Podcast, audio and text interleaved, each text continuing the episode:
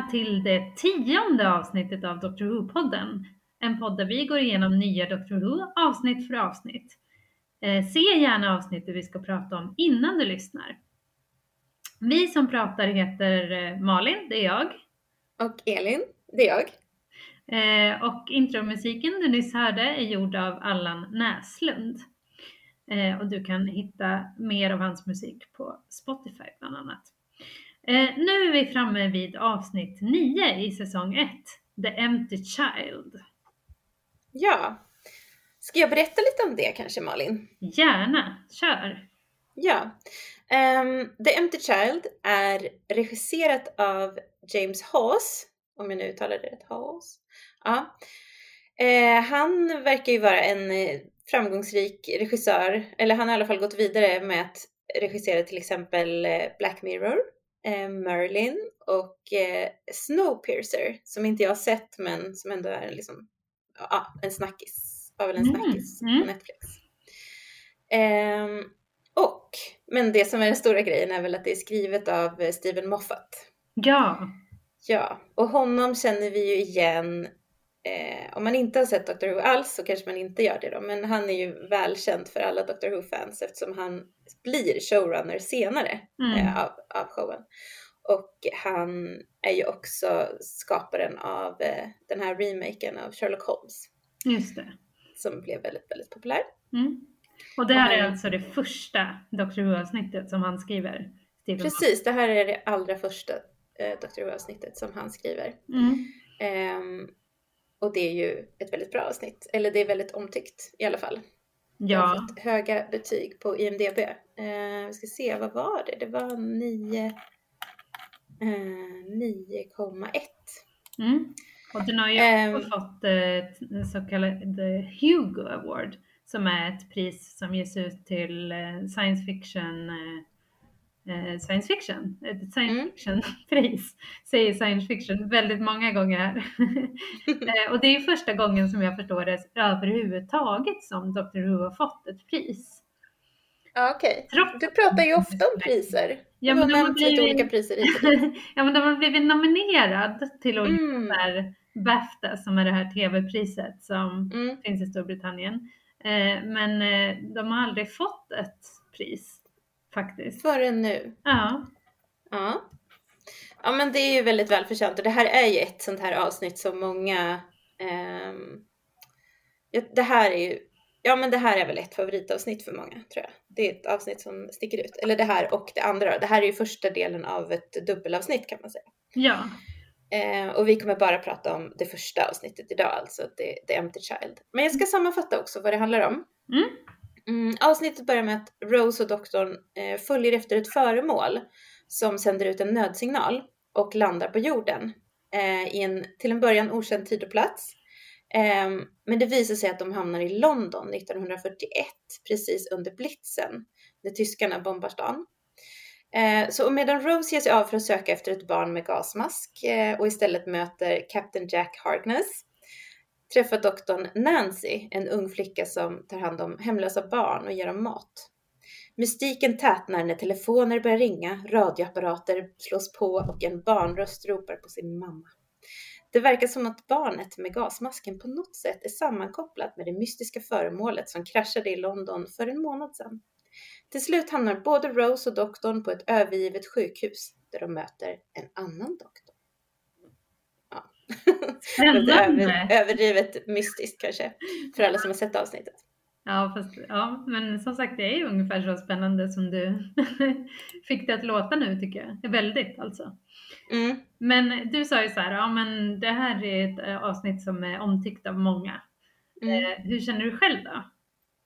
Jag tycker att det är ett jättebra avsnitt och eh, jag tror att det var det här jag hörde talas om första gången ehm, Alltså jag visste om att det skulle komma ett barn i gasmask som skulle säga Are you my mommy? Mm. För det hade jag fått höra från min, eh, min tjejgrupp som jag jobbade med innan jag började titta på, på serien då, som också gillade den. Mm. Eh, och jag tycker att den är, det är ett jättebra avsnitt, det är väldigt spännande, det är visuellt väldigt snyggt och Steven Moffat är ju väldigt bra på att bygga upp spänning och lägga ut ledtrådar och verkligen så dra in en och bli liksom så att man blir så himla intrigued liksom. Man blir såhär, åh gud vad kommer hända? Mm. Vad tycker du? Ja men absolut, jag håller med. Jag, jag har ju sett det här avsnittet, vad är det, kanske fjärde gången jag ser det nu. Och det är liksom fortfarande läskigt. Eh, mm. Det är, det, det är så skräckfilmskvalitet när det är bra skräckfilm då. Eh, mm. Och det är just det här med att det är ett barn som är obehagligt. Eh, som, och man förstår inte vad barnet vill, man förstår inte om det är ont eller gott. Eh, eller ja, men liksom, eh, om den är ute efter en på något sätt, vilket ju det verkar som.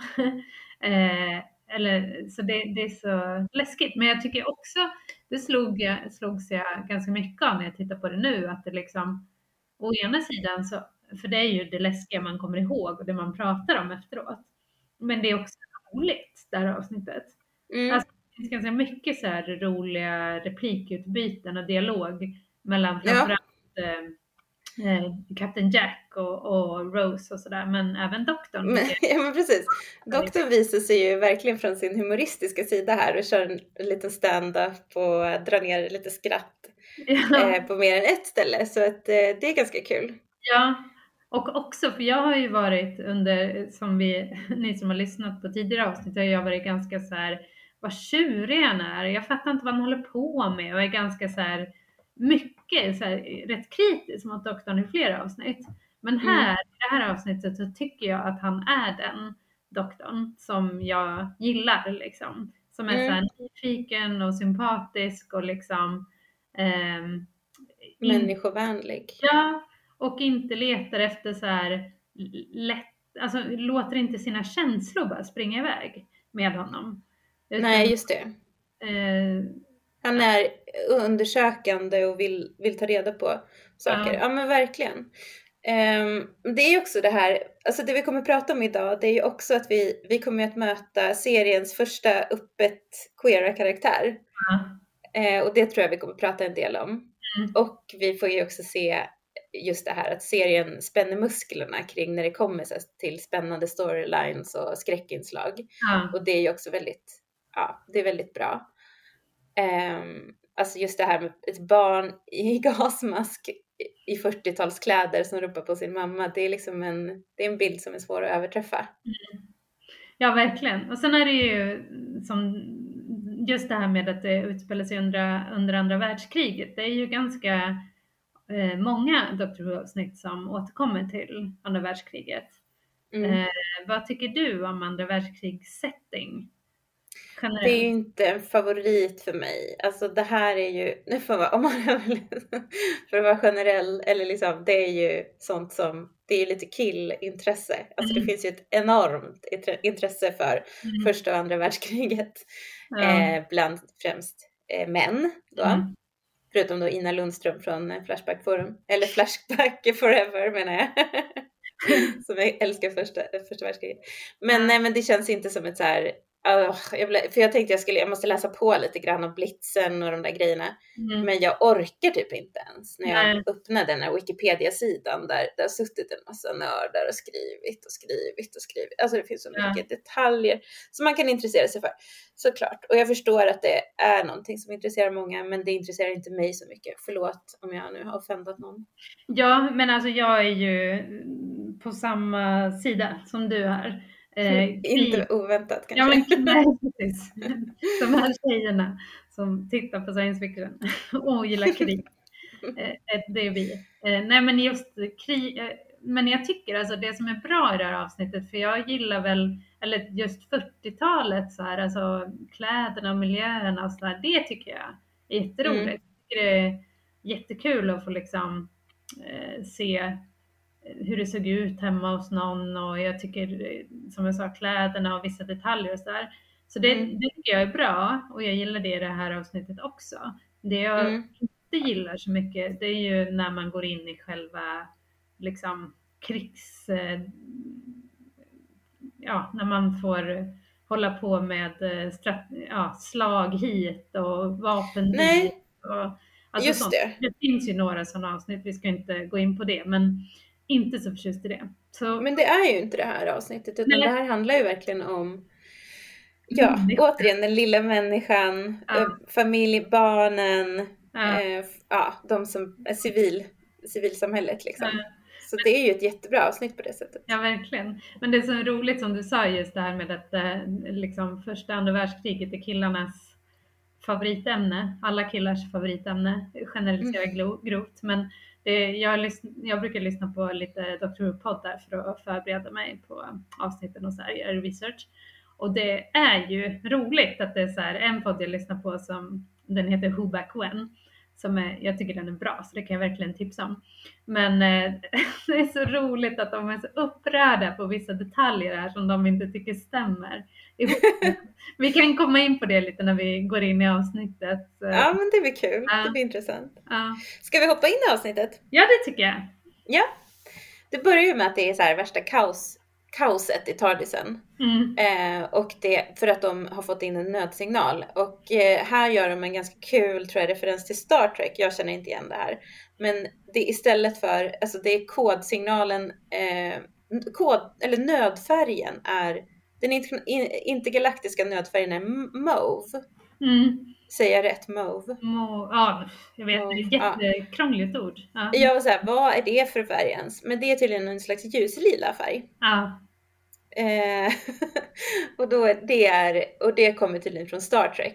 Mhm. Eh, och där, det är liksom den, den färgen som, eller liksom röd, det är absolut, det är jättekonstigt för den är liksom, tycker doktorn, han, han säger till Rose att ni människor som har röd som är nödsignalsfärg, det är så himla konstigt för den är ju bara så här campy och eh, han- dans, dansant eller alltså han säger typ att den är lite mer så här glad tror jag. Mm.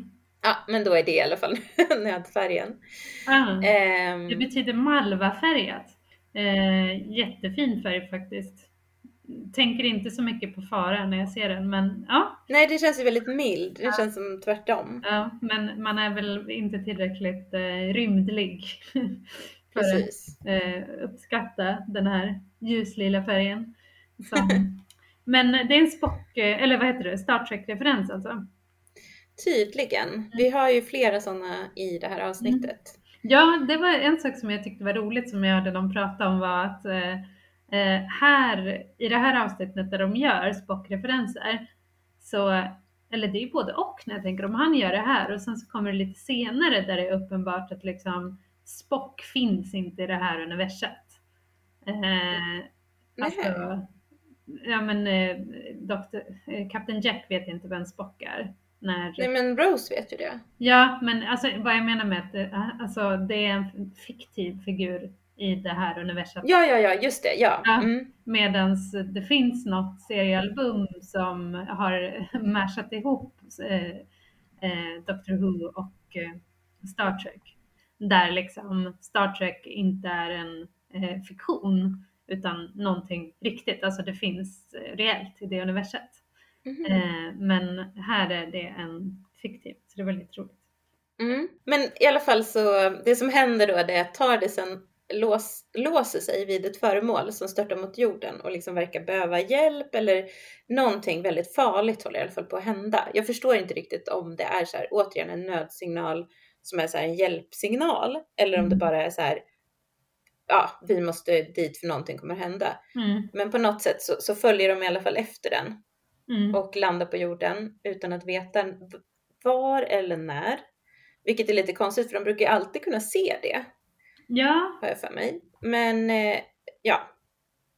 Men då har, de, då har den här typ gjort, hoppat en time track. mm. Den, jump, den, den tam, hoppar time tracks all over the place, säger doktorn. Och är lite så här tjurig på Rose när hon funderar på det och han säger så här, vill du köra eller? Eh, för det är tydligen eh, svårt att följa efter. Så då har de landat en månad senare än den här saken kraschade. Mm. Och Rose frågar om hur vi ska, hur ska vi hitta den då? Kan du inte scanna efter alien tech? Eh, men det kan han inte utan han ska såklart gå och fråga. Mm. Som man alltid gör. Mm. Eh, och det är inte, eller Rose tänker väl följa med, men det är något annat som påkallar hennes uppmärksamhet nästan direkt här. Ja, precis. Men innan det så håller de på att tjafsa lite.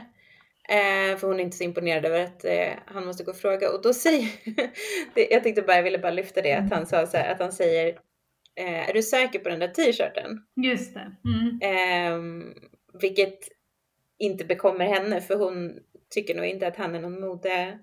Eh, guru, utan hon vet nog själv vad som är snyggt. Mm. För hon är 19 år och eh, cool och kommer från London liksom.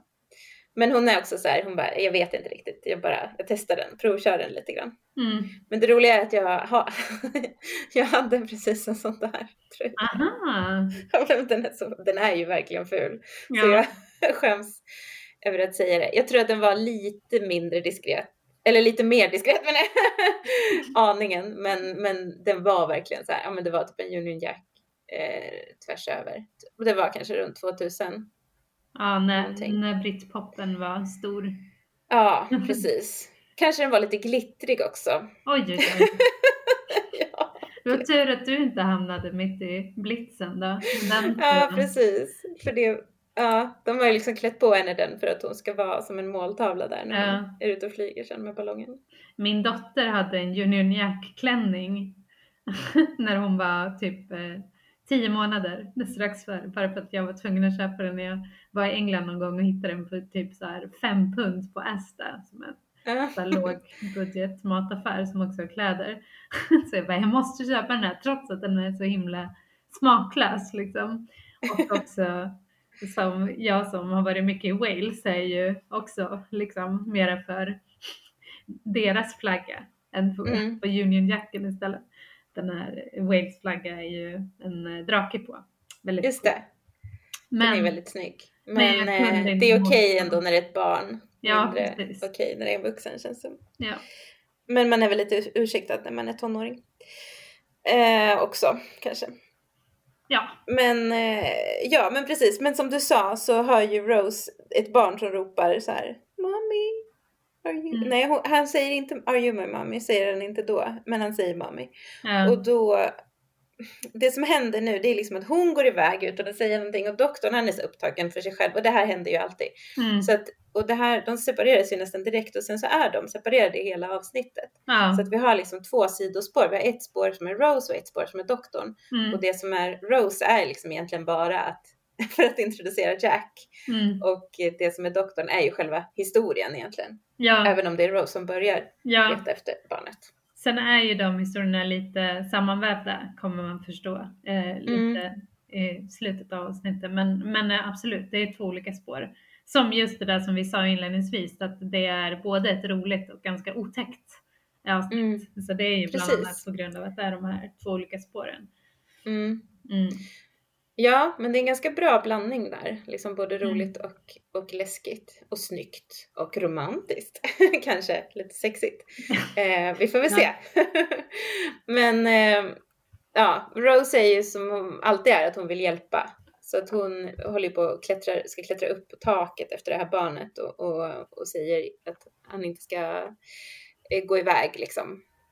Mm. Eh, samtidigt som doktorn kommer in på någon så här jättetjusig underjordisk bar. Och det är här man ser ju, här ser man ju att det är 40-tal. Mm. Eh, för det är någon kvinna som står på scenen och sjunger och har så här snyggt 40-talshår och allting är väldigt så här glammigt liksom. Ja, hon är helt vitklädd i någon sån här tjusig galaklänning nästan. Och det sitter lite män, männen som sitter där, han har så här, har så här smala mustascher. Mm. och, och kostymer och så. Ehm, och sen så går ju, efter att hon har sjungit färdigt så går han upp på scenen för att fråga om någon har sett någonting falla från himlen. Eh, och han har väl för många eh, liksom, årtal att hålla reda på så att han kanske inte ser direkt det här liksom, 40-talsmodet. Ehm, så han går ju upp där och frågar så här, är det någon som har sett någonting eh, falla från himlen eh, nyligen? Mm. Eh, och det blir, och möts av skrattsalvor Ja, För det blir som en stand-up. ja, för först är det som att de så inte vet om de ska skratta eller liksom bua åt honom för att han är så... eller liksom vad är det för Han är så plump Ja, men precis, väldigt plump. Men, men de bestämmer sig till slut för att han verkligen är rolig då.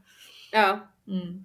det är väldigt svart, svart humor. Mm.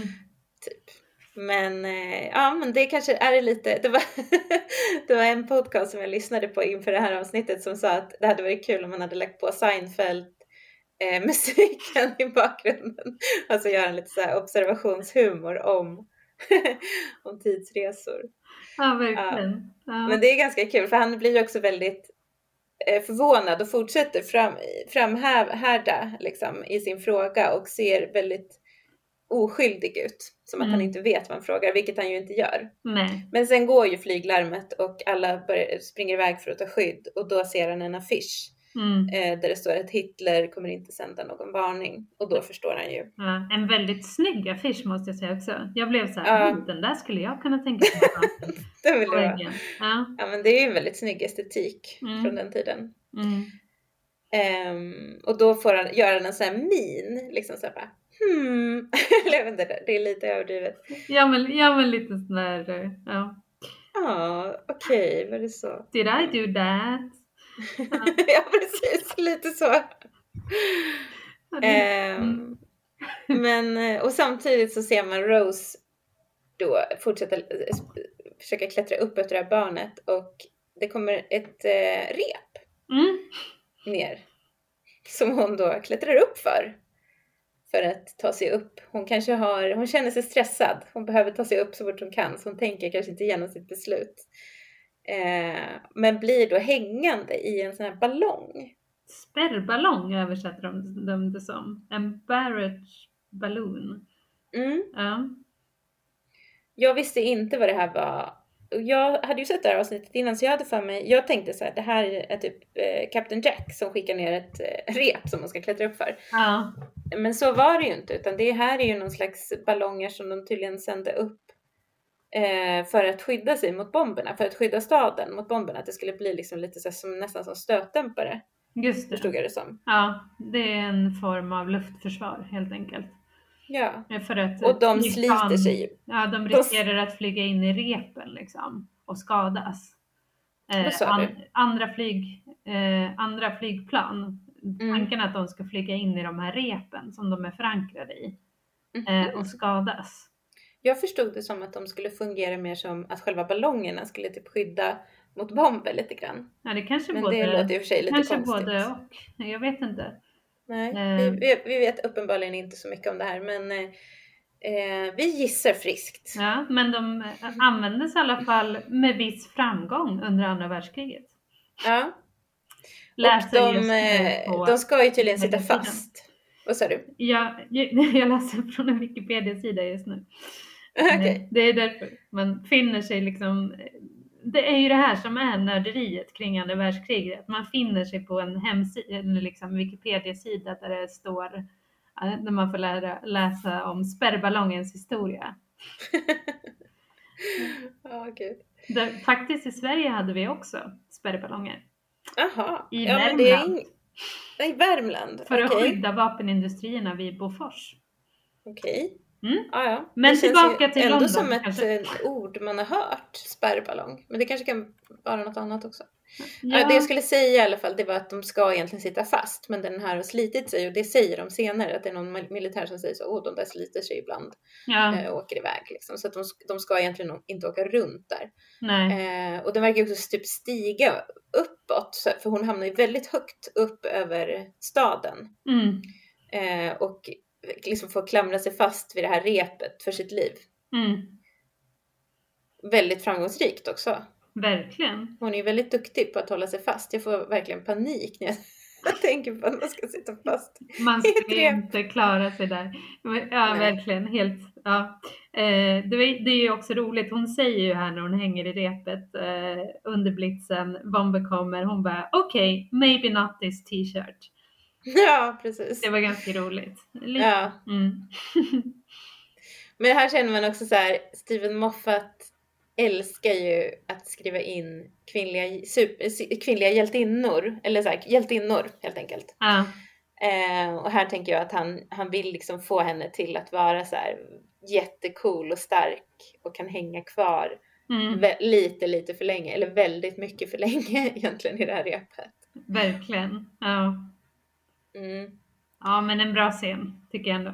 Ja, men det är ändå väldigt snyggt när de här planen kommer flygande runt omkring henne och Mm. man ser hela staden och, som liksom blir så bombad runt omkring. Det är ju väldigt snyggt, även om det är väldigt hemskt. Mm. Så är det, är det en väldigt snygg scen. Håller med.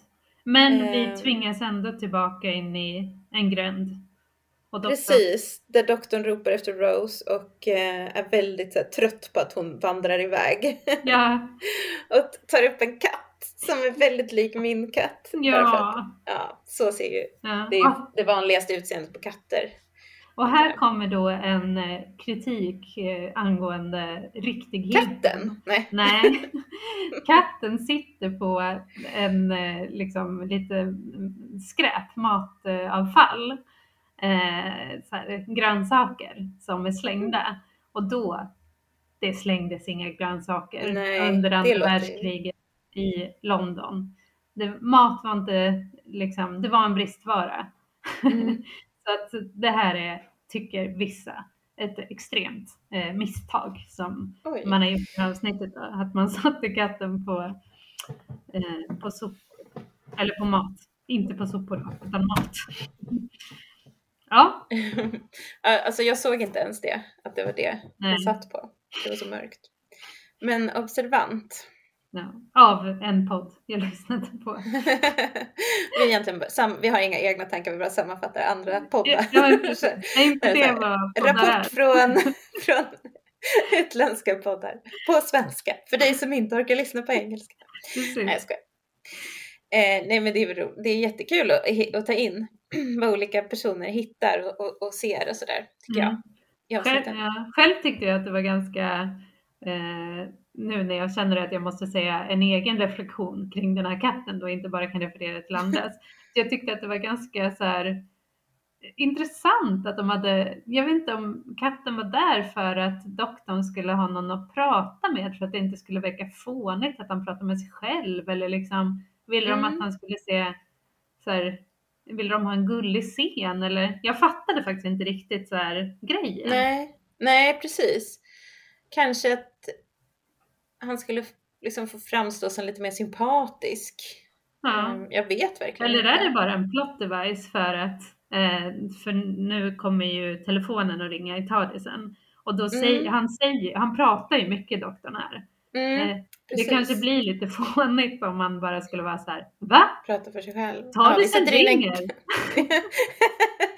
ja, ja men precis för då har han liksom redan börjat prata för sig själv eller prata med katten, då kan han fortsätta prata. Ja, För att han pratar ju sen med Tardisen så här, varför Ja. ringer du? Eller han pratar med den där telefonen. Ja, ja men Eh, precis. att, ja, ja, men det är det nog. Att det, det blir lite mer naturligt. Mm. Ehm, för ja, han säger så här, vad gör du? Varför ringer du? Mm. Och säger också så här, så att man förstår ju att det är konstigt. Alltså annars skulle man ju inte förstå det, utan då kanske man skulle tro att den ringer hela tiden. Ja, Ehm, men han säger att den inte är inkopplad och sådär. ja. Jag tror Så- också att det här är första gången i Doctor Who som den här telefonen har ringt. Nej, Nej. det är det inte. Nej, det är inte det. Men den kommer Säger jag som har lyssnat på ett annat poddavsnitt. okej. Det ringer tydligen i något annat avsnitt. Jag kommer inte ihåg när det var, men det är i alla fall i, i Classic Who Aha. en gång tror jag. Ja. Och då är det också någon, eh, jag tror det är någon som heter The Toymaker eller vad heter den? Ja, det är i alla fall någon, eh, det här, alla ni, förlåt alla ni som har lyssnat, tittat på Classic och har full koll på det här. Men det är i alla fall någon skurk som får den att ringa, tror jag. Mhm. Så. Men eh, typ andra gången i alla fall, så det är ju inte vanligt att det händer. Nej. Så man förstår att det är väldigt konstigt. Så han, istället för att svara så börjar han ju eh, undersöka den med sin Sonic Screwdriver. Mm. Men då dyker ju en flicka upp Mm. och säger att han inte ska svara. Mm. Och Vad- man ser på honom att han blir väldigt intresserad. ja. Vad kände du då för den här tjejen när hon dök upp? Ehm, nej men det känns ju lite läskigt allting. Ja. hon eh, kommer där och säger, man förstår, hon vet ju någon mer än vad vi vet. Så här, hon, hon vet på något sätt, så någonting är ju väldigt så här, farligt känns det som. Mm. Eh, och sen försvinner hon ju också så här väldigt mystiskt för han börjar ändå prata med henne. Och, och vill liksom ställa frågor. Han blir ju ändå glad det känns det som för att han får någon att interagera med. någon mer än katten. Mm. Ehm, men då är hon bara borta helt plötsligt. Så att hon känns också lite mystisk. Mm. Vi ska väl bara också säga att den här eh, eh, tjejen spelas av Florence Hoth. Mm. Som är en, eh, står, på hennes Wikipedia står det att hon är en skådespelare som har gått i pension. Men Okej. hon är ju född 84 så hon gör säkert någonting annat. Hon är Hon bara, blev revisor eller någonting. ja precis. Men Eh, hon är väldigt bra. ja, synd. jättebra. Ja, hon Kanske kanske tror- tröttnade på showbiz. Mm, precis. Mm. Ehm, men det som händer då det är att han, han får helt enkelt svara för att han är för nyfiken. Han kan inte låta bli.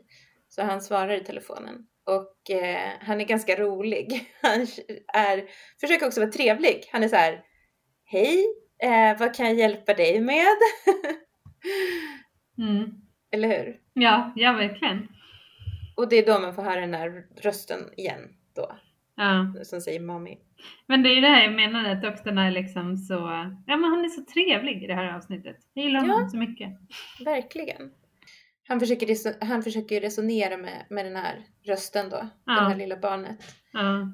Eh, och försöker säga så här, men det finns ingen mamma här. Men hur kan du ringa hit? Eh, men det går ju inte. Nej.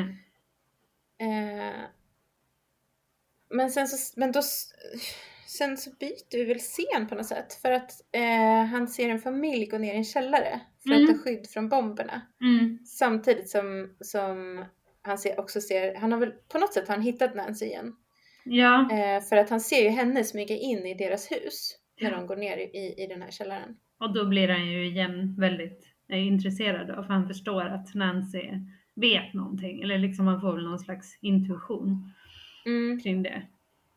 Men det är väldigt fint tycker jag här det, när hon går omkring i deras hus. Det är som musiken är liksom lite så magisk och allting. Det är väldigt mysigt. Det är lite sagolikt och Mm. det är det här varma ljuset och eh, hon hittar en massa mat. Man förstår att det är som en guldgruva som börjar packa ner i sin, i, i sin Mm. väska. Och sen så ser hon också ett, ett dukat middagsbord. Mm. Och, och så går hon ut och visslar. visslar till sig alla hemlösa barn som är i Mm. området. Mm. Och det känns också så här, eh, helt plötsligt känns det som att man är i en saga nästan. Ja, ja men det känns väldigt så här eh, Dickens på något sätt. Mm. Mm, Ehm, precis, apropå för några Ja. avsnitt sedan. Ja. Och överhuvudtaget när de är, den här eh, middagen som de har tillsammans här, den är ju också väldigt fin. Jag Mm. gillar den scenen. Ja, den är, den, det tycker jag också. Samtidigt som den vittnar om ganska hemska saker. Ja. Men samtidigt så ser vi också, eller så här, vi, innan vi kommer dit så, så ser vi då Rose när hon hänger från det här repet högt över London. Ehm, och att det är någon annan som betraktar henne genom en kikare Ja. och zoomar in på hennes eh, rumpa. eh, och det, vi ser liksom att eh, det är någon som står där på en balkong till, som tillhör en lyxig våning där det är typ officerare som Mm. som sitter och dricker alkohol och pratar. Men, och så säger de att ja, nu måste vi gå ner, släcka lamporna och ta skydd. Mm. Ehm, och det är en kollega som kallar honom för Jack, så vi får veta att han heter Jack. Mm. Och frågar om inte han också ska gå ner. Ehm, samtidigt som Jack då mumlar någonting om en snygg rumpa. Ja. och det roliga är att kollegan eh, tar åt sig och tror att det gäller honom. Ja. Och så säger han, men han säger inte, ehm, det han säger då det är så här, there's a time and a place. Ja. Vilket gör att man förstår att det är inte helt ovälkommet. Nej, verkligen. Alltså jag bara älskar hur de introducerar den här eh, Jack eh, och man direkt får den här mångtydigheten, att man förstår att han är en person som eh, för man kan, skulle ju tycka att det var ganska ofräscht man liksom, oh vilken eh, snygg rumpa eh, då, eh, om, Mm. om eh, Rose, om det bara var det. Mm. skulle man ju tycka var så här sexistiskt och bara okej. Eh, Men de, de räddar det ju så mycket med att han, han är ju bara en person som uppskattar människor. Och Han uppskattar alla. Han är väldigt eh, sexuellt Sexuell. intresserad Ja. av ja, precis. folk runt omkring sig. Helt Ja. Eh, och även om det är så att i det här avsnittet så är det ju främst eh, Rose han flörtar med. Mm. Eh, så förstår man ganska direkt när han smäller sin eh, då, kompis eller sin eh, kollega på rumpan och säger att han också har en snygg rumpa. Mm. Att eh, han inte, alltså att han är queer. Och han är ju det öppet liksom i, alltså han är, han är skriven så. Mm. Så det är inget så här som är liksom öppet för tolkning egentligen. Nej, precis. Utan det är meningen att han ska introduceras som en sån karaktär. Och jag har förstått det som att den här rollen är skriven för just honom. Ja, det, det känns ju väldigt rimligt om man eh, har lite koll på honom, John, John Barrowman. Det, det, de, Precis. han känns ju väldigt mycket in character liksom. Ja, precis. Och ja, och just det, och så är det så väldigt snyggt när han, för, för man ser egentligen honom bara hela tiden att han, det är någon, liksom en stilig man med så här stilig frisyr som står och eh, tittar i en kikare. Mm. Men sen så, i, det är liksom som i slutet av scenen så vänder han sig om och ler. ja. Och då, alltså han har ju ett väldigt, han har ett väldigt vackert ansikte så då, det är verkligen som att han gör entré. ja. Att man ser så här, wow, där är han liksom. Mm. Mm. Ehm, så ja, vad ska, ska, vi, ska vi säga lite, ska vi prata lite grann om, om, om Captain Jack? Ja. Eh, vad, vad vi kände för honom när vi såg det här första gången. Vad tycker Ja. du om honom? Nej men jag tycker det här är en av eh, de bästa, eller en av de roligaste liksom, karaktärerna eh, i Doctor Who faktiskt. Alltså det, eh, som sagt, eh, lite svårt att börja gilla Doctor Who av olika skäl. Eh, men ju längre man kommer in i säsong ett och så blir man mer och mer övertygad. Och bland annat är det för min del att eh, Captain Jack kom och är den Mm. här queera figuren som liksom eh, gill, är sexuellt attraherad av alla. Och så här också, jag tycker också om att han är så liksom snygg. Alltså han är ju som en Barbie-docka liksom. Han är ju Mm. den här, eh, verkligen en, ja men en så här stereotyp snygg man. Och så Mm. han också, alltså jag gillar det, och så han också en hjälte på ett sätt liksom. Mm. Eh, så jag gillar honom jättemycket, verkligen. Vad känner du? Men han är ju också int- introducerad som en eh, kanske anti antihjälte är han kanske inte, men, en, ja, men han är verkligen så motsatsen till doktorn som har varit ganska så svår och inåtvänd och tjurig och inte, inte så sexuell eller liksom Nej, inte så nej. eh, inbjudande. Ehm, och sen så, och så kommer, kommer, liksom, kommer Jack Captain Jack här liksom och är så här superstilig, jätte, jättecharmig, utåtriktad, intresserad av alla, Mm. skannar för alien tech. Mm. Ehm, men också lite liksom opolitlig, Ja. inte så eh, han, han beskriver sig själv som en criminal ha, i det här avsnittet. ja. Eh, han försöker lura dem på pengar. Alltså han, håller, han är lite shady liksom. ja, Sen får vi se Mm. hur han utvecklas. Ja, Så att, eh, det är ganska kul att han kommer där. Ja, han är lite som en så här trickster på ett sätt. Ja, ja precis. Och man älskar ju en trickster. Ja. Ehm, jag, jag, om jag nu, om jag nu ursäktar, att jag återigen refererar till Buffy, så är den jag tänker på ehm, är ju väldigt mycket Spike i Buffy som är den här vampyren som är ond till att börja med och sen får ett chip implanterat i huvudet, spoilers Just. för Buffy.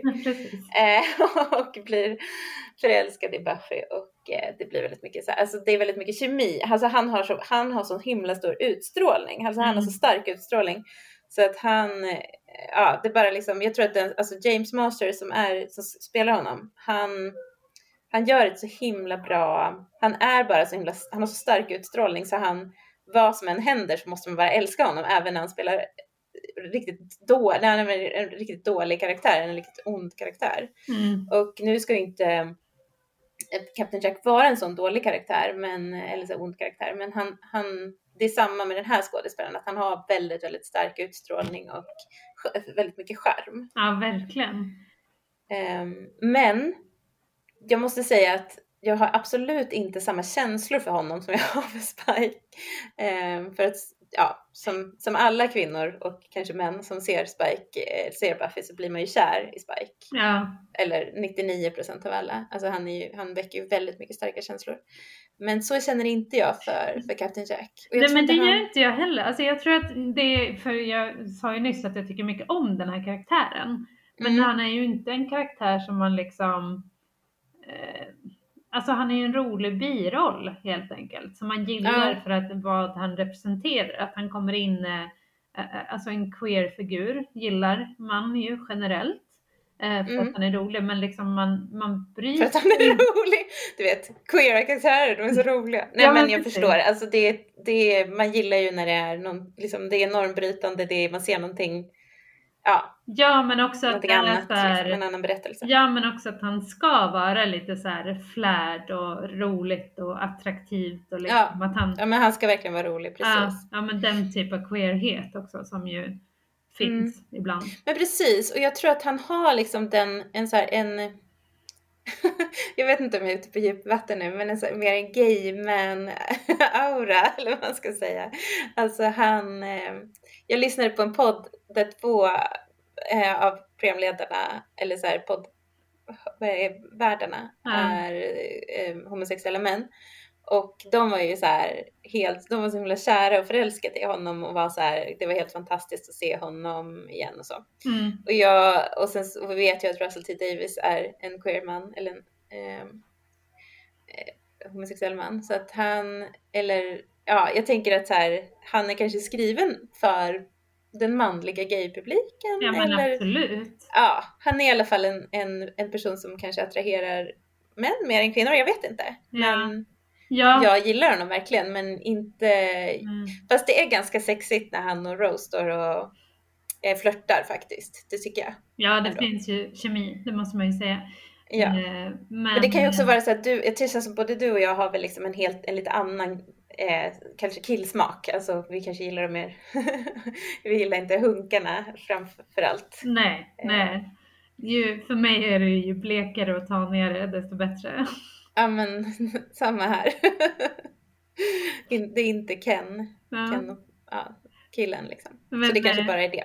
Men Spike då? Hur kommer det sig Ja men det är ju, jag säger ju det, alla, du var väl också kär i Spike när du såg Buffy? Ja men absolut. Är så att de här känslorna som den här mannen väcker i mig, kommer jag ihåg när vi tittade på det tillsammans.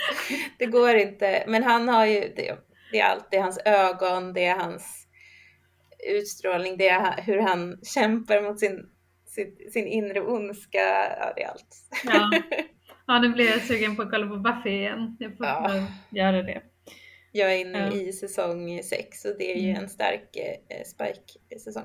Ja, men eh, ja, jag, jag, vet inte om jag ska, ska nämna det här. Jag känner så här nu, nu spoilar jag lite för Torchwood, mm. men eh, Spike, alltså James Master som spelar Spike, han dyker ju då upp i Torchwood där också eh, Captain Jack är med. Mm. Och de, det finns en scen där de hånglar. Hur nöjd var du? Vad kände du när du såg den scenen? Um, då både det som händer är att de går mot varandra och är så här jätte, jätte macho och sen mm. så börjar de hångla och sen börjar de slåss.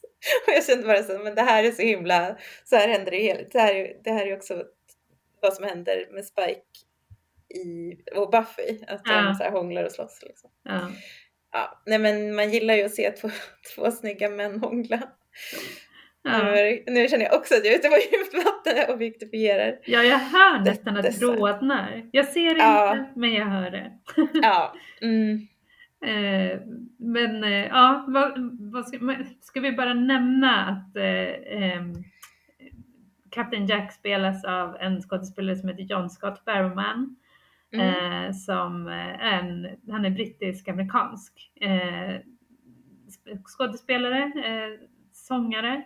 Eh, ja, sångare? Ja, mm. han gör allt möjligt. Han har också skrivit comic books, Mhm. var jag tvungen att säga på engelska där. Grafiska romaner, serietidningar. Det finns låter som bara ord. Kalle Anka liksom när man säger serietidningar. Ja, precis. Eh, så, ehm, och man, det är väl lika bra att nämna att han har varit, eh, vi har ju tagit upp bland annat, eh, eller just nyss har det ju kommit ut att eh, Noel Clark som spelar Mickey har, har eh, anklagats för sexuella trakasserier. Och Mm. eh, i samband med det har det även nämnts att eh, John Barrowman har kanske haft en ganska konstig jargong eller ehm, eh, uppträdande i Just det, att han har varit lite grän, gränslös. På, gränslös på det sättet som, som, Dr. eller som Captain Jack är helt enkelt. Man kan ju Mm. tänka sig att alla kanske inte uppskattar att bli eh, ja, att man visar sina könsdelar och så vidare. Eh, men det, vi nämner det, och, men vi försöker skilja på skådespelaren från karaktären Dr. Jack nu, eh, Ja. som ni hör. Men, Mm. men vi är medvetna om det liksom. Ja, Eh, precis. mm. Ja, ska vi gå vidare då? Ja, det tycker jag. Jo, men det som händer nu det är i alla fall att eh, som tur är så kommer han in och räddar Jack, Captain Jack, han kommer ju då in och räddar Rose i sista sekunden när hon faller från repet. Mm. Så det var ju tur att han eh, ändå agerade när han gjorde det. Han tog det lite väl lugnt kan man tycka. Ja, men han han- hängde där. Han ville väl eh, Mm. liksom fånga ögonblicket så det blev Ja, så ja, så var det som möjligt. mm. Mm. Eh, och hon, för hon, hon tappar taget till slut. Efter typ en timme där så orkar hon inte hålla repet längre. Ja, Ehm, och då, tar, då liksom beamar han ner henne. Och ja. det är väl också lite så här en Star Trek-referens kanske. Men Ja, han fångar det. henne på något sätt i en eh, blå tunnel. Och eh, börjar prata med henne så han hör, man hör bara hans röst. Eller hon hör bara hans röst. Mm. Och eh, hon liksom tjafsar med honom lite grann. Han säger åt henne att, måste, att hon måste stänga av mobiltelefonen. Eh, och eh, hon är så här, va? Det är ingen som tror på det ändå. Han det stör mina maskiner. Typ.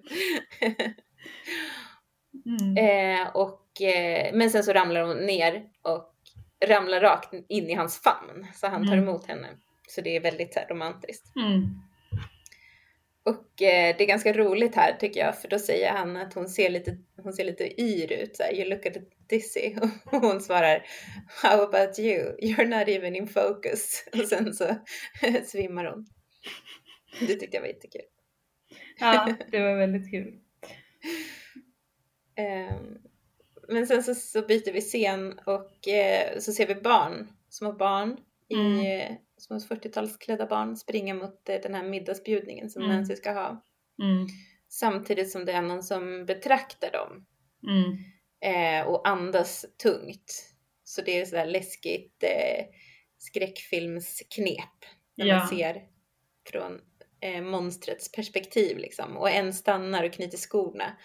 Eh, och det är väldigt såhär uh, Och jobbigt. man, man anar ju att det är det här barnet Mm, eh, i gasmask. Eh, men eh, de i alla fall, alla de här barnen sätter sig runt bordet. Bara en kommentar här, det är ju extremt mycket mat. Eh, för att vara, det är tre, alltså en familj som är en man, en kvinna och ett litet barn som äter mat en vanlig dag. Eh, extremt mycket mat mitt under andra världskriget. Eh, inte trovärdigt. Nej, de, Det- måste vara, de var ju väldigt väl, de var ju ganska välgödda de här två vuxna som vi såg i alla fall. Ja, precis. Eh, det kanske var en anledning till att de hade valt, hade kastat dem så. att de var väldigt eh, ja, välbeställda. De säger ju också så här, det måste vara black market Mm, för att de har så här mycket kött. ja, Eh, men ja, det är lite konstigt faktiskt. ja, för det, om det är någonting eh, andra världskriget London är känt för är ju eh, att det inte var så himla fett. Helt enkelt, att det inte fanns så mycket mat.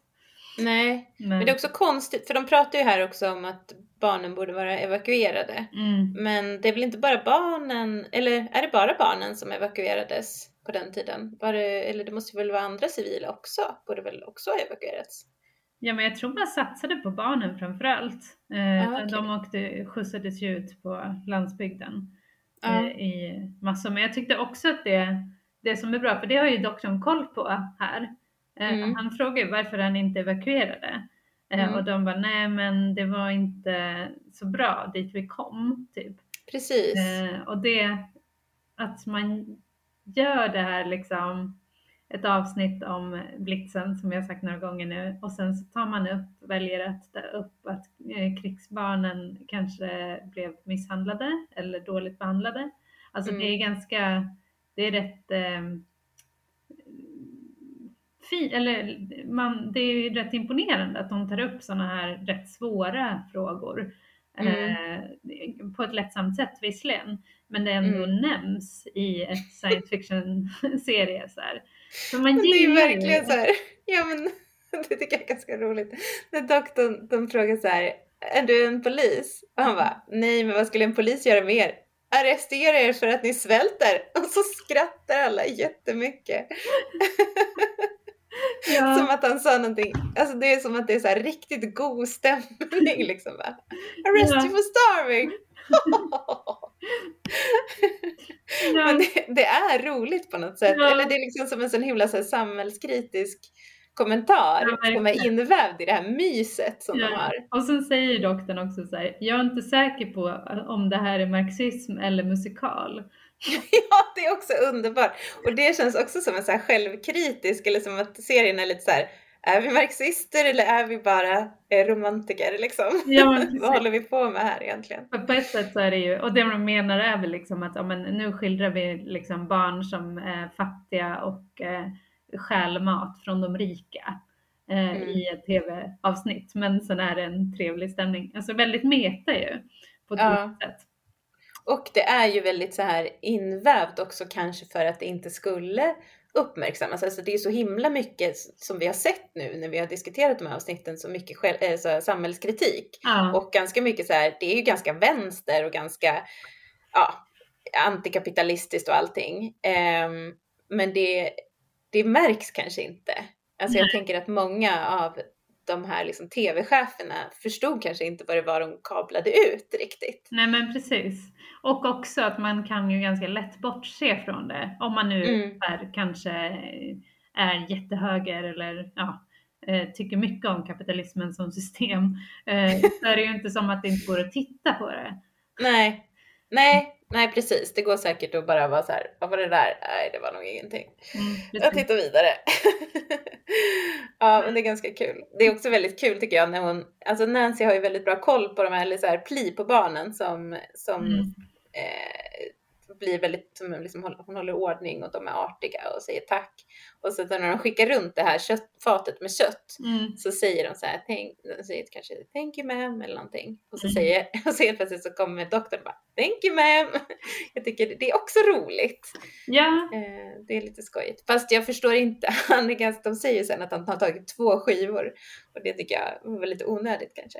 Ja, fast ja. Nej men som sagt jag tycker att eh, som jag var inne på några gånger så är det just att doktorn är så eh, alltså han är så bra på att interagera med, folk, med människorna i det här avsnittet. Och liksom, Mm. Han är på barnens sida, eh, han är trevlig, han är liksom nyfiken och ja, nu upprepar jag mig själv. Men jag tycker verkligen det. Ja, Och här är den. Ja, det, mm, ja men precis.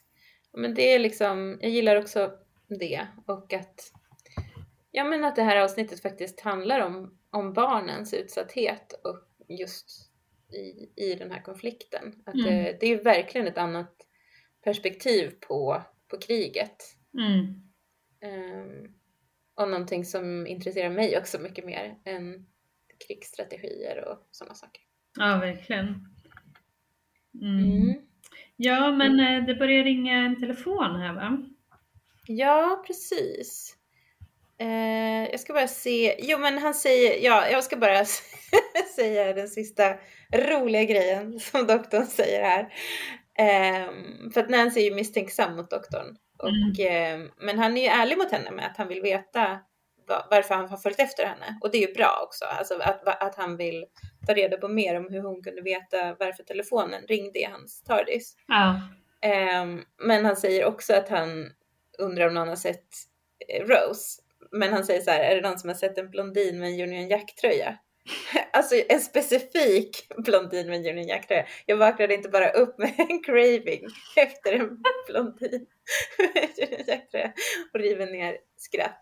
Det känns också nästan satir när, han, när de skrattar så mycket åt det.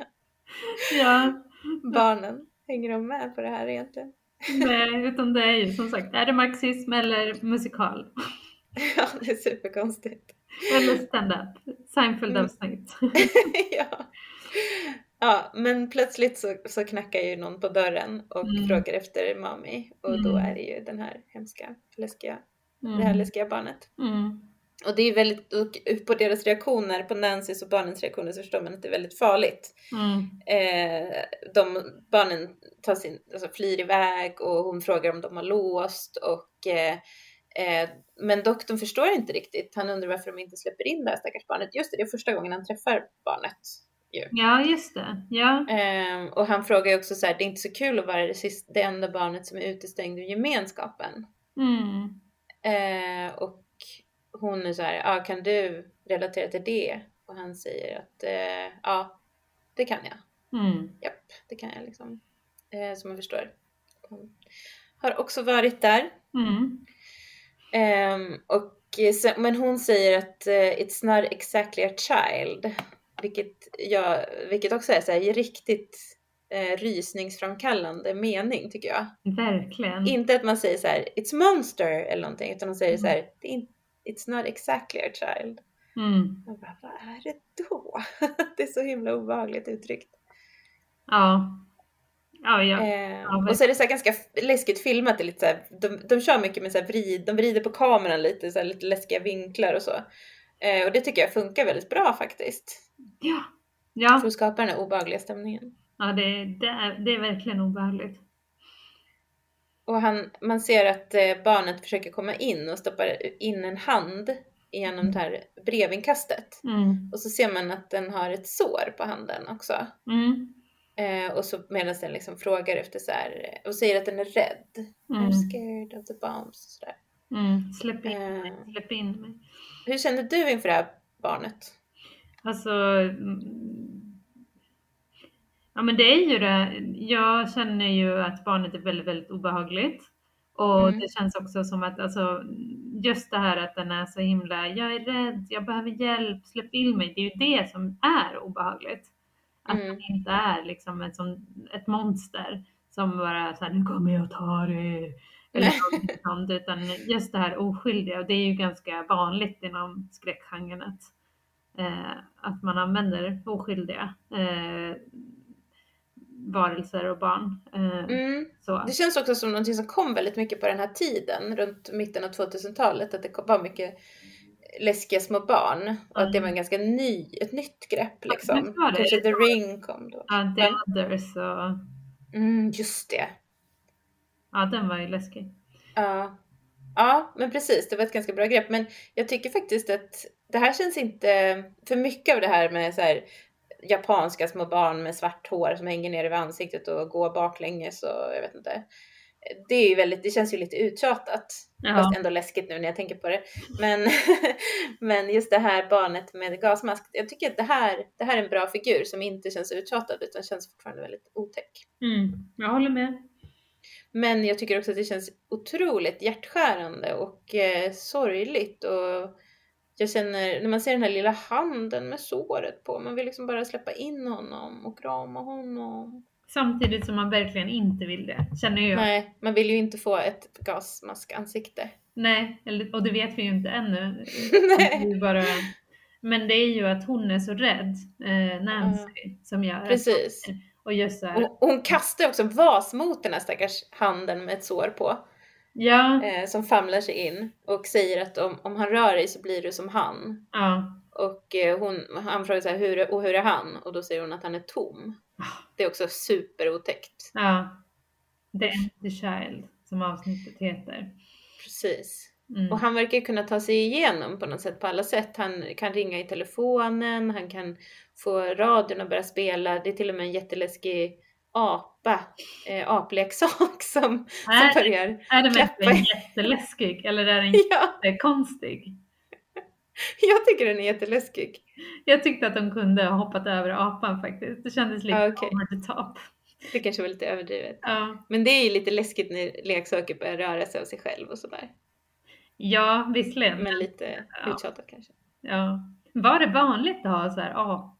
Var det en vanlig grej under 40-talet att man hade apor som... Ja, kanske. Ingen aning. Men jag köper det. Ja, ja det känns ju som en sån här leksak som typ eh, kalanka på julafton. Eh, Ja, verkligen. Ja, det är inte en vanlig leksak idag. Nej, Men dina barn har inga apor som klappar i händerna om man vrider upp dem i ryggen. nej. Nej, nej. Undrar när de kommer komma tillbaka igen. Det kanske blir årets julklapp. Ja. Eller inte. Men doktorn känner ju ändå liksom medkänsla med det här barnet. Han kanske liksom kan se sig själv som ett litet barn. Eller som man får veta sen också att han har ju också han kan ju också relatera till den, den andra doktorn Mm, som säger att han har varit pappa och eh, farfar. mm, Så att eh, mm, han, han, han vill liksom, men han är ju så bra på det. Alltså bra, han, är ju, han tar ju också stora risker. Men just att han är nyfiken, han vill undersöka och han vill inte, han liksom kastar inga grejer på barnet och springer iväg utan han säger så här, okej jag ska öppna dörren nu. Och så gör han det, men då är barnet borta. Ja, vad tänkte du. Ja, men det är väldigt mystiskt. Det är ju det. Varför vill den först in och sen när den får komma in så försvinner den? Jag vet inte. Det är jättekonstigt. Men kanske, jag vet nu, jag har ju sett det andra avsnittet som kommer sen, och jag, men jag minns inte alls hur det här var. Så att jag eh, bara liksom spånar och i slutet av avsnittet så är det ju som att barnet kommer fram till Nancy och det känns som att det är lite Nancy den vill ha tag på för att det är då de andra vaknar upp också. Så att det kanske är att det inte Nancy är där utan den går vidare. Just det, för Nancy har eh, Hon sprungit. har ju sprungit iväg. Ja. Ja. Mm. Eh, men samtidigt får vi se hur det går för Rose. Med Jack. Och det är jättekul. För Jack använder sitt psychic paper. Han har också ett psychic paper. Han, man förstår att han är också en tidsresenär. Ja. Eh, och han säger då till henne att han är en eh, amerikansk volontär. Mm. Eh, som liksom ställer upp då i kriget mot nazisterna och ger henne ett pa- paper men det står inte alls det på det här pappret utan det står att han är singel och att han tränar. Ah, Mm. Gå till gymmet. Det är så kul tycker jag. Alltså det är roligt med ett sånt eh, nu, ursäkta svengelskan, men ett sånt plot device där man liksom får veta vad de egentligen eh, tänker. Eller de får veta det själva. Ja. Men det är också, Eh. alltså jag tyckte också det är jätteroligt för att eh, han ser ju även vad Rose tänker och vi får veta att hon är liksom, eh, vad säger de, footloose and, eh, ja, Fancy free. ja, Eller ja, något sånt. ja, fancy free and footloose. Jag vet inte riktigt vad det betyder faktiskt. Men, Nej, men det eh, låter, eh, det låter som att de menar så här lösaktig, men det är ett väldigt dåligt ord. Men hon är i alla fall, hon är, hon är, upp, hon är också very available. precis, hon har en pojkvän men hon är very available. det är också, Ja. ja, det är väl så man har tolkat henne också under seriens gång. Verkligen. Ja, Men, hon är öppen för äventyr. men som sagt, alltså det är ju roligt att de använder the psychic papers här. Men Mm. är det så? Alltså, det stämmer väl inte riktigt med hur det har blivit använt förut? Alltså, eller är det så att man måste vara helt koncentrerad på eh, när man ska visa upp det? Så att det ska stå, måste man vara helt in character? Alltså jag vet inte, men det han vill att hon ska veta om honom är ju kanske att han är singel. Eller så är det bara att hon har hon också har en, en fördel för att hon har sett ett psychic paper förut och då kanske hon kan se igenom det lite Mm. mer. Jag vet. Så kan det vara, för att jag, jag har ju nästan förstått det förut som att eh, det man inte, doktorn när den visar upp det här, när han visar upp the psychic paper, att han själv inte vet vad det står, utan att det blir liksom det som är lämpligt i ögonblicket. Ja precis, men det kanske är det som händer här också. Det som är lämpligt i ögonblicket är att han är singel. Ja, och work out. Det är ganska roligt att det står att han work out, eller liksom det är så här, det tycker jag säger någonting om tidsandan då och nu. Att nu är det liksom, då var det kanske mindre vanligt. Typ. Ja, just Att eh, Rose och Mickey och Jackie, alltså ingen av dem tränar ju. Det är man ju säker på. På den här tiden. Men alltså i nutid, nu tränar ju typ de flesta, alltså nu är det typ ovanligt att inte träna. Det har blivit som en annan grej kring att träna, tror jag. Tror Ja. jag i alla fall. Ja, jo, det känns ju så. Samtidigt. Det känns inte som att man säger typ så här, and I work out. Man bara okej, det gör väl alla liksom. Jag vet inte. Eller gör alla det? Ja, Eh, kanske inte. ja, men bra spaning här. Eh, Hon testar också om han känner till Spock. Mm. Vad säger hon egentligen? Jag kommer inte ihåg det, jag bara skrev upp det. Ja, Men han känner inte till Spock. Nej precis. Det var det där Så som att- jag var så här, men han finns. Det var det du sa. Ja, precis. Mm. Eh, lite. Eh, Star Trek finns inte. Precis. Eller Star Trek finns bara, är bara fiktion helt enkelt. Just det. Och det, men det, ju precis, det var det jag tyckte var lite konstigt för att uppenbarligen så finns, finns det som fiktion i den här världen men han känner inte igen det. Men han känner igen hennes eh, eh, mobiltelefon och sådär. Och han verkar ju komma från framtiden, ganska långt in i framtiden, så Star Trek kanske inte har överlevt som, som eh, fiktion då. Ja, precis. Det skulle vara roligt att höra om doktorn vet om det. Ja, För Han, precis. han brukar ju ha väldigt bra koll på även populärkulturen. Jag vet att det fanns en, eh, jag hörde att det fanns någon eh, replik som de tog bort som var med i originalmanuset som var typ så här. eh, Jag, jag heter hellre, jag föredrar Dr Who framför Spock eller någonting sånt där. För Mm. att liksom göra en, ja för, vad han skulle kallas. Jag skulle hellre heta Dr Who än, alltså när doktorn säger så här, eller när hon, hon kallar ju honom för Spock. Och så frågar han i slutet, varför säger, varför kallar de mig Dok- Spock? Och då säger hon så här, men du har ju inget namn liksom. Vad ska jag kalla dig? Dr Who? Ja, jag har hellre Dr Who än Spock. Ah, Att det skulle vara som en känga mot Star Trek. Men det togs inte med. Och det kanske var bra. Ja, man vill väl inte slänga några kängor mot Star Trek. Det är väl onödigt. Och så- ja, science fiction-krig. Let's all be friends. Precis.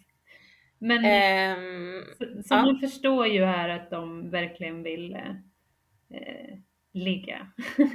det förstår man verkligen. Det är mycket ligga i luften. Ja, men han, Eh, men han, och han, liksom, han binder också ihop hennes handleder. Vilket också känns jättemycket så här 50 shades of Grey.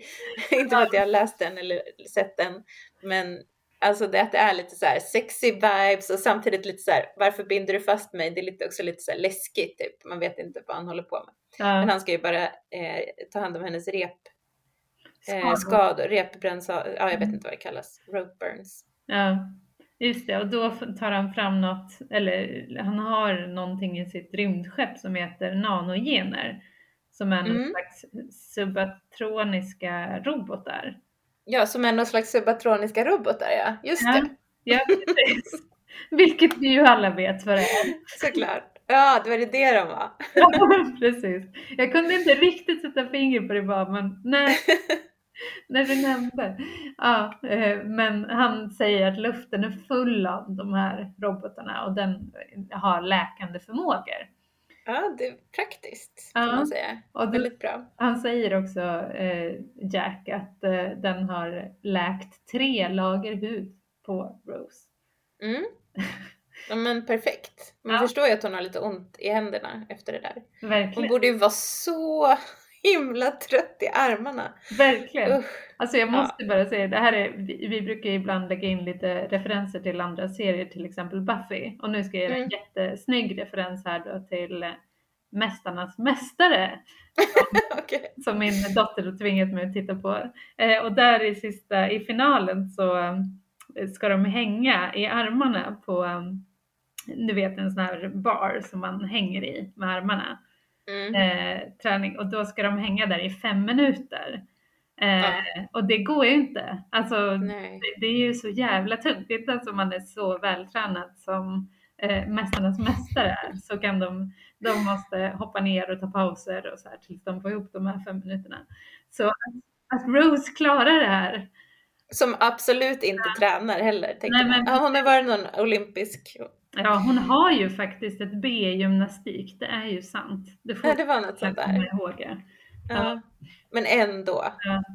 De kunde, kunde åtminstone ha gett henne liksom någon, någonting att stå på. Det kunde ha fått vara någonting mer som hon kunde ha fått hålla i. Bara ett rep, ett blankt rakt rep. Men det såg ju väldigt coolt ut. Ja, det är bara att, att, att gå vidare. Så här, glöm det. Liksom. Så som jämförelse tipsar jag alla då finalen Mästarnas Mästare. Se det för att förbereda För att få en reality check. Ja, men precis.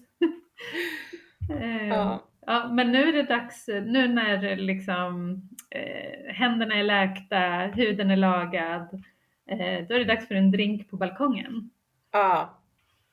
Det är inget för de höjdrädda får man säga. Nej, verkligen inte. Så eh, obehagligt. Balkongen visar sig ju vara eh, helt enkelt taket på rymdskeppet eh, som är mm. osynligt dessutom. Precis. Och in, jag ser inga staket heller. Nej.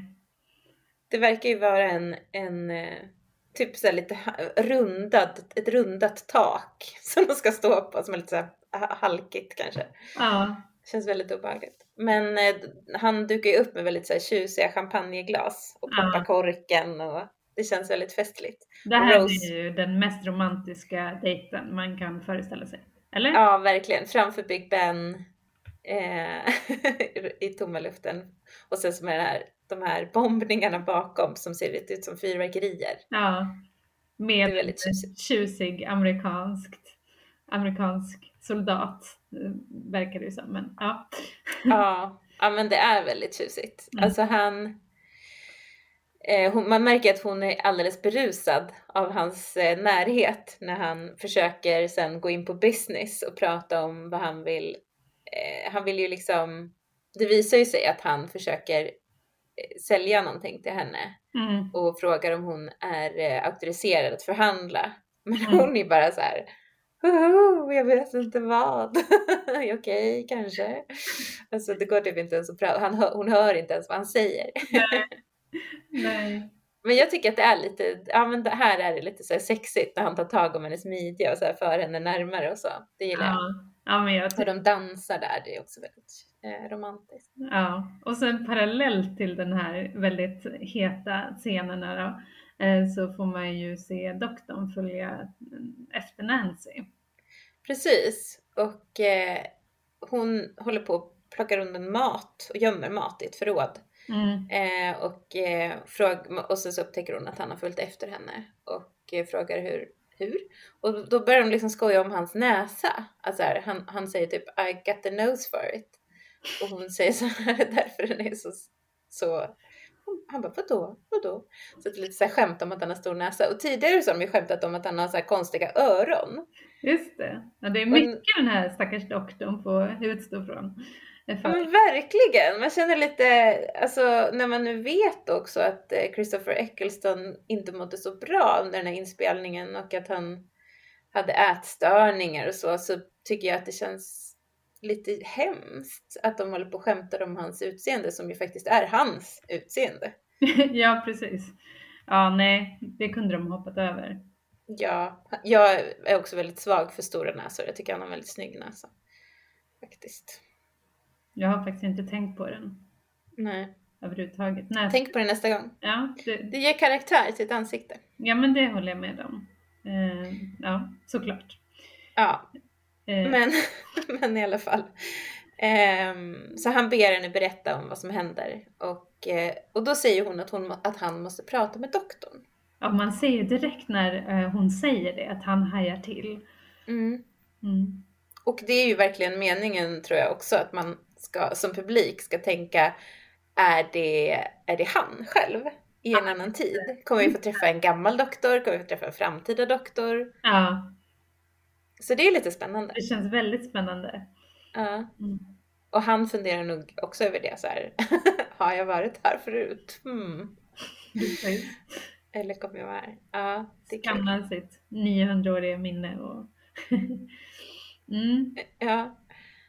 Um, ja, och vi såg också, vi kanske inte nämnde det, men den här saken som de följde efter är ju, har ju kraschat och vaktas nu av militär. Mm. Så att hon, hon, Nancy säger, till, säger ju till doktorn att eh, han måste prata med den andra doktorn innan han försöker ta sig in. Ja. Mm. Um, Just det. Och man får också veta att hon förlorat sin lillebror Mm. i de här bombräderna och att det var samma natt som den där saken landade. Mm. Ehm, och det var bara en månad sedan. Så hon, och hon är ju ja, fan, fantastisk då, som, som många karaktärer är. Som många sidokaraktärer är i den här serien. Mm. Eh, hon har liksom förlorat sin, sin lillebror och ja, han spökar ju egentligen. För man, får ju förstå, man förstår ju sen att det är han som följer efter. Mm. Och ändå är hon så lugn och samlad och försöker göra det bästa och ta hand om de här andra barnen, hemlösa barnen. Och så. Mm. Ja men samtidigt så ser vi Jack och Rose vara, nej inte Jack och Rose. Jo, Jack och Rose är det ju. Mm. Mm.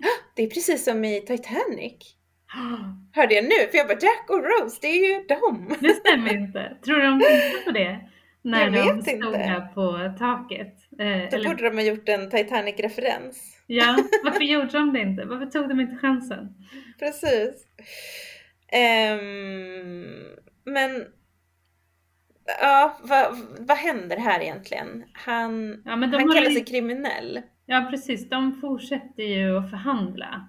Mm. Eh, och för han, man förstår att även om det verkar som att han mest eh, vill liksom flörta och ha det trevligt med Rose så har han en, någon typ av agenda.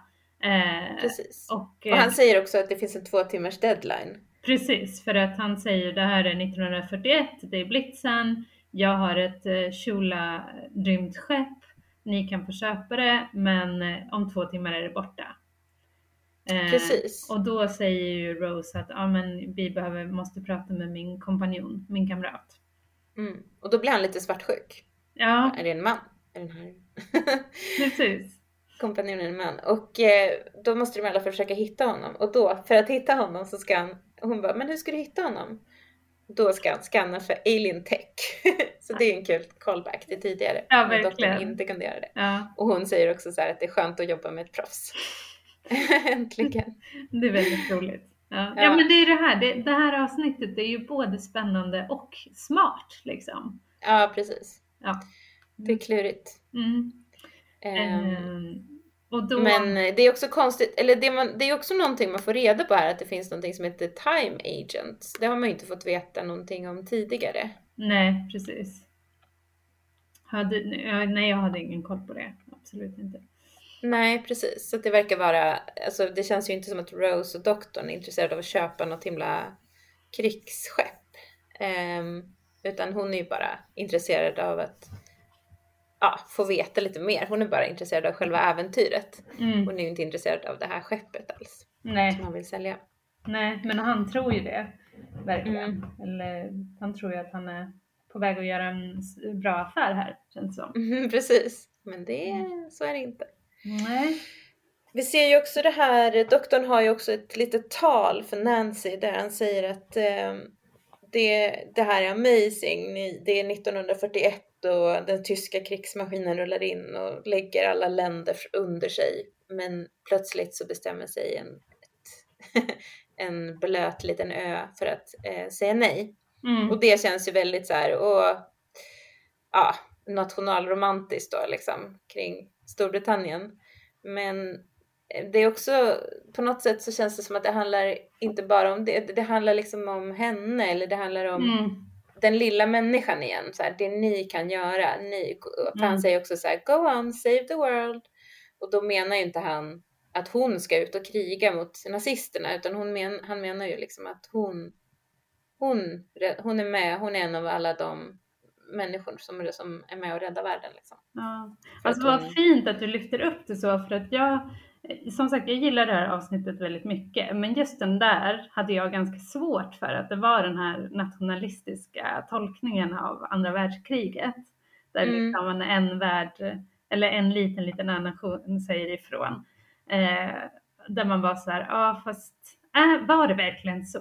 Var det så det Mm. var? Och så nu kommer min andra, eh, om jag nu skulle säga att liksom Mästarnas Mästare är en av referenserna jag vill plocka upp här, så tar vi min andra referens, då är det ju eh, Svetlana Aleksijevitj, Mm. Nobelpristagaren. Och jag bara tänkte på det nu när han hade den här, eh, för jag läste hennes bok eh, Kriget har ingen, eh, inget kvinnligt ansikte för ett tag sedan. Mm. Och där är det en person som säger eh, i den, eh, där, det är en bok där man får eh, minnen eh, från andra världskriget som är nedtecknade av eh, kvinnor som eh, eh, krigade i andra världskriget. Mm. Eh, och då säger de att liksom eh, många tror idag, nu läser jag högt då, många, speciellt om de är unga, tror idag att det var Amerika som ensam besegrade Hitler. Det är få som känner till att det sovjetiska folket betalade ett sådant högt pris för segern. 20 miljoner döda på fyra år och ett måttlöst lidande. Eh, Mm. Och det, alltså när man läser hela den där, alltså det var inte så att, ehm, eh, att Storbritannien själva eh, gav det här stora motståndet och att eh, USA sen kom in och räddade hela grejen, utan man hade ju parallellt med att Sovjet krigade som 17 och som sagt 20 miljoner personer Mm. som bara dödades i... Du ser, nu blir jag lite så här krigsnördig ändå, men jag tycker det, Mm. det ja, Det fanns i dig. ja men precis. det finns i mig, men det är ju lite, jag fattar ju att det här är ett liksom, eh, det är ju ett nationellt, vad ska man säga, alltså i Storbritannien, eh, krig. Ja, det är ju ett narrativ, ett, eh, ett västerländskt narrativ där man berättar om sig själva som segrare och sådär. Eh, hjältar. Ja, men också att det såklart var väldigt ett så här trauma och sår såklart också i Storbritannien. För det var ju jättemånga som eh, dog naturligtvis och eh, ja, m- bom, London som bombades och så vidare. Så det är Mm. inte så att förneka deras förluster eller någonting. Det är bara Nej. att så här, narrativet blir ju väldigt speciellt. Ja. Men då för att återkoppla, det var ju snyggt av dig att liksom vända den här ganska tveksamma nationalistiska eh, lilla talet han håller där, doktorn, till att göra det till någonting som handlar om den lilla människan. Och, eh, ja, det är väl som att han säger både och egentligen, men det känns ju ändå som att när han säger det så här, go on save the world till henne så är det ju det han pratar om. Då är det ju, ja, Mm. det är alla, alla, Mm. det, det som alla kvinnor och barn och civila, alla, det, är all, det är arbetet som de har gjort för Mm. att ta hand om varandra och ta hand om, mm, jag vet inte. Ehm, ja, men ska vi fortsätta? Han går ju in sen på det här, eh, han ska ju gå till den här doktorn då, Mm. inte honom. Och då går han ju till någonting som heter Albion Hospital som vi har varit på tidigare. just det, i of London. Exakt, det var där den där lilla grisstackaren eh, blev, i, blev dissekerad. Ja. Ja, Ehm, fast här så är ju sjukhuset igenbommat och superläskigt så han Ja. måste liksom låsa upp det. ja. Och in, det är ju även läskigt inuti. Precis, han kommer in i någon sån här läskig sjukhussal där det ligger en massa människor som har gasmasker på sig Mm. och han förstår inte riktigt vad han ser. Men så kommer det i alla fall en, en, eh, en läkare, en gammal läkare som verkar väldigt sjuk som stapplar fram Mm, eh, i en vit rock. Och han Mm. heter Dr. Constantine så man förstår ju nu att han är absolut inte eh, han är inte doktor, han är inte doktor. Han är inte Ah, framtida eller tidigare doktor utan han är en läkare. ja. Och han spelas av en skådespelare som heter Richard Wilson. Mm, Som är ganska känd. mm. Han var ju med i, ja, precis. Jag inte Olika. till honom. Nej, jag känner inte heller till honom så vi behöver inte gå in på honom kanske. Nej. Han har i alla fall varit, eh, han har arbetat för eh, Stonewall och eh, han har också varit väldigt engagerad i The Labour Party. Men han är död nu. Ja, ja, han verkar vara en bra person helt enkelt. precis. Han hade lite fina meriter där. Mm. Eh, men han berättar i alla fall för doktorn att det är, det är ingen som är död. De är inte döda de som ligger där för att han fråga, doktorn frågar det. Eh, utan de, eller han frågar sig vad är ditt utlåtande? Men Mm. rör inte huden. Mm. Och eh, doktorn undersöker dem då med sin sonic screwdriver som tydligen kan berätta saker. Och då så, så säger han att det, den, har, den som man börjar undersöka då, det, är- då upptäcker han att det är ett, eh, den har fått ett slag mot huvudet. Mm. Massive he- head trauma till vänster och sen så är det någon skada på bröstet och sen så har alla samma sår på handen. Och sen så upptäcker han då liksom att alla har exakt samma Mm. eh, skador. Mm. Och samtidigt också att den här masken har gjutits fast i huden men han vet inte riktigt hur. Mm. Eh, och det blir, han förstår inte alls och doktorn säger att, eller den här läkaren säger, nu blir det lite förvirrande här, läkaren Mm. säger, kallar vi honom. Mm. Han säger att eh, samma skada har liksom spridit sig som en sjukdom eller som ett virus eller någonting sånt där. Mm. Det är fysiska skador som pest, säger. Just, ja det säger han ja. Mm. Och det känns ju lite så som ett krigsvapen vapen eller liksom, ja, väldigt otäckt där i alla fall. Mm. Och sen så sätter ju alla sig upp Ja. samtidigt och tittar dit med sina läskiga gasmasksansikten. Och det liksom blir också så här, lite snedkamera och så. Alltså det är superläskigt. Mm. Eh, men den här läkaren säger att de är ofarliga, de bara sitter där och han försöker bara så här, ta hand om dem och göra det bästa för dem under den, Mm. han, för att han har varit läkare, han har varit en, innan det här kriget så var jag en farfar och en, en pappa. Men nu är jag, men jag kan åtminstone vara läkare, han säger något sånt. Mm. Och då säger doktorn att han kan relatera till det. Mm. Know the feeling. Mm. Men man ser också att den här eh, läkaren har, det händer något med hans ansikte. Mm. Jag vet inte om det är, visst är det så? Att det liksom fladdrar till lite så innan det börjar förändras? Ja, man förstår att det är någonting som är väldigt liksom fel. Eh, Ja. och jag vet, alltså första gången jag såg det här eh, avsnittet, eh, så för de andra avsnitten så, när jag, eller jag menar när jag såg dem ja, nästa gång, då visste jag ju att han skulle förvandlas till, hans ansikte skulle förvandlas till en gasmask. Mm. Eh, men ja, nej, det är jätteläskigt. Det här är faktiskt, jag tycker nästan att det här är den läskigaste eller mest liksom eh, otäcka scenen i avsnittet nästan. Ja, det är jätte, jätte obehagligt. Ja, och, Fick din dotter se det här när ni såg det tillsammans? ja, fast hon, min dotter tycker ju inte saker är så läskiga. Nej. Eh, men eh, hon gick ju omkring och sa sen efteråt mycket Are you my mommy? Are you my mommy? Så jävla obehagligt. Ja, ja Ja. verkligen. Nej, Man men vill det- inte att ens barn ska gå runt och säga så. Men det är också väldigt jobbigt när han får den här, innan hans ansikte förvandlas till en gasmask så är det som att han får en väldigt så här panikslagen blick och ögonen liksom vattnas. Det är nästan som att man tänker så här och så börjar han säga Mami, börjar han ju säga då. Och det är så hemskt. Ja. Och det, det känns nästan som när man ska kräkas typ. Man kan inte så här hålla emot. Eller du vet en sån obehaglig. Ja. Det är som att det, man ser hur panikslagen i ögonen. Det är väldigt bra spelat. Ja. Eh, innan det här, eh, liksom den här morfen kommer då liksom. Ja, det är Mm. så himla otäckt. Och doktorn ser ju väldigt, eh, ja, han, ser inte han är inte rädd men han är väldigt, ja, han undrar verkligen vad som händer. Men och innan det här händer då så säger ju läkaren att han ska gå upp till top floor, Mm. rum 802 Mm. och, hit, och sen så måste han också hitta Nancy för det var hennes bror och hon Ja. vet mer än hon säger.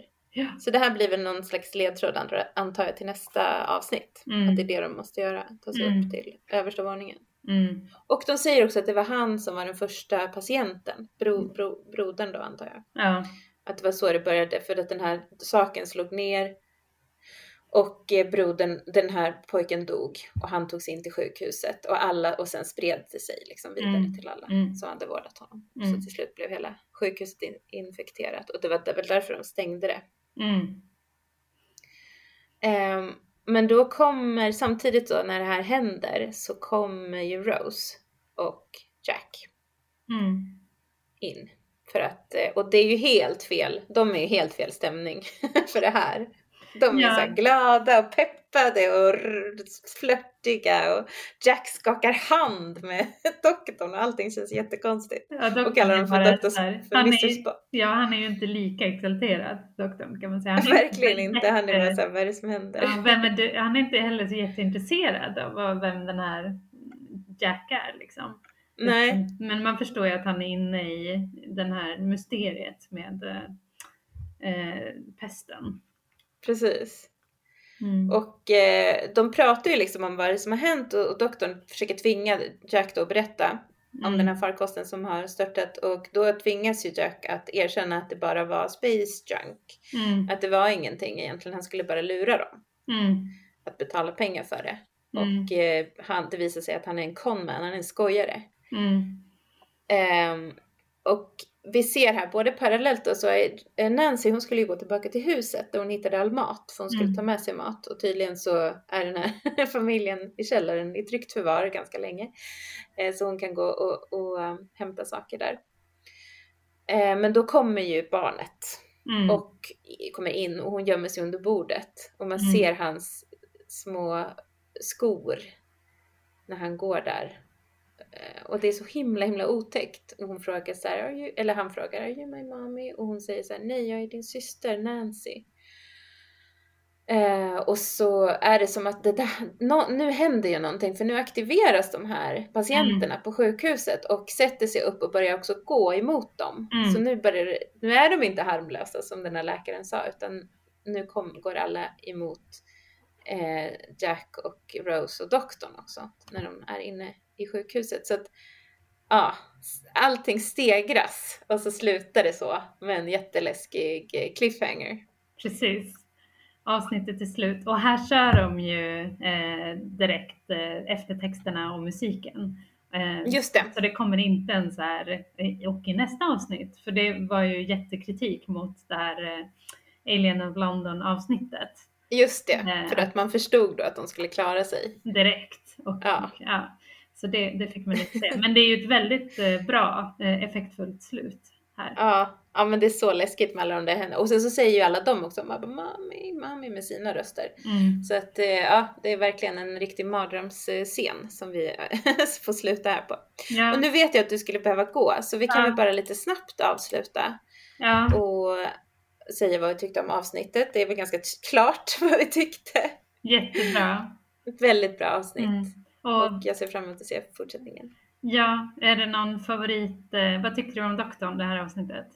Doktorn, jag tyckte doktorn var jättebra i det här avsnittet. Men jag tänker att vi kanske ska vänta med att ge honom poäng till nästa. Eller vad, för så gjorde vi förra gången va? Ja just det, ja men det är ju mycket bättre. Men För att vi vet ju faktiskt inte hur han klarar av det. Men, men mycket bra, det är potentiellt höga betyg på hans eh, slutledningsförmåga. Eller att han liksom så här följer ledtrådar, undersöker och är väldigt eh, smart ja. helt enkelt. Ja. Klurig. Har du någon favoritkaraktär? Eh? Eller liksom omnämnd, Ja, hedersomnämnande? Ett hedersomnämnande. Då får det väl vara, då skulle jag vilja ge hedersomnämnande till Nancy, inte helt oväntat. Ja, som du tog väldigt- min. Fin karaktär Ja. som, eh, som ja, tar hand om de här barnen och eh, är också väldigt, så det är ju en spännande karaktär i det här avsnittet Mm. som man får många frågor, frågor kring. Ja, men då säger jag bara, för som sagt jag var också inne på Nancy, men alltså jag, jag lyfter väl fram Dr. Constantine istället. Bara för Mm. att han liksom verkar vara en så himla bra läkare. Och just det där att han sa det där fina, bara, jag brukade vara pappa, jag brukade vara farfar, men nu kan jag inte vara det längre. Det var en väldigt stark eh, eh, replik faktiskt. Just det, och han är också väldigt så här, empatisk. Han vill ta hand om, om eh, ja, han vill liksom hjälpa de här stackars patienterna att göra det så bekvämt Ja. som möjligt för dem deras Och- sista tid. Och också att han kämpade emot att bli själv den här eh, gasmaskspersonen, eller varelsen odöda, eh, Mm. fast ändå levande och väntade på att någon skulle kunna komma och hjälpa dem. Just det! Ja, det så kanske så tolkade det jag det. Eh, Ja, och, eh, så, så han är ju en, också en hjälte. Så Dr. Mm. Konstantin, bra val tycker jag. Ja, Mm. men eh, Okej. Då avslutar vi. Jag har ett tips till alla innan vi... Eh, jag tycker ni ska lyssna på Rod Stewarts skiva från 1977 som heter Footloose and Fancy Free. Jaha, vad roligt! Ja, så det. Ja, Hittade du det här nu? Ja, Eller visst. vad? Ja. Okej, ja. Då ska vi göra det. Då får vi avsluta med det helt enkelt. precis. Så får ni Ehm, komma tillbaka och lyssna nästa gång och se upplösningen på det här spännande avsnittet. Hurra! Ja, Mm. men vad bra. Ta och eh, mejla till oss på drwhopodden at eh, gm- gmail.com om ni vill eh, komma med några kommentarer eller eh, någonting sånt. Och ni får också jättegärna följa oss på Instagram där vi heter Dr. Och gärna eh, ja, jag vet inte, följa, gilla, dela, tipsa folk om podden om ni tycker det är bra. Jag gör det. Ja. Men tack för idag då. Ja, tack så mycket. Vi ses nästa gång. Hej då!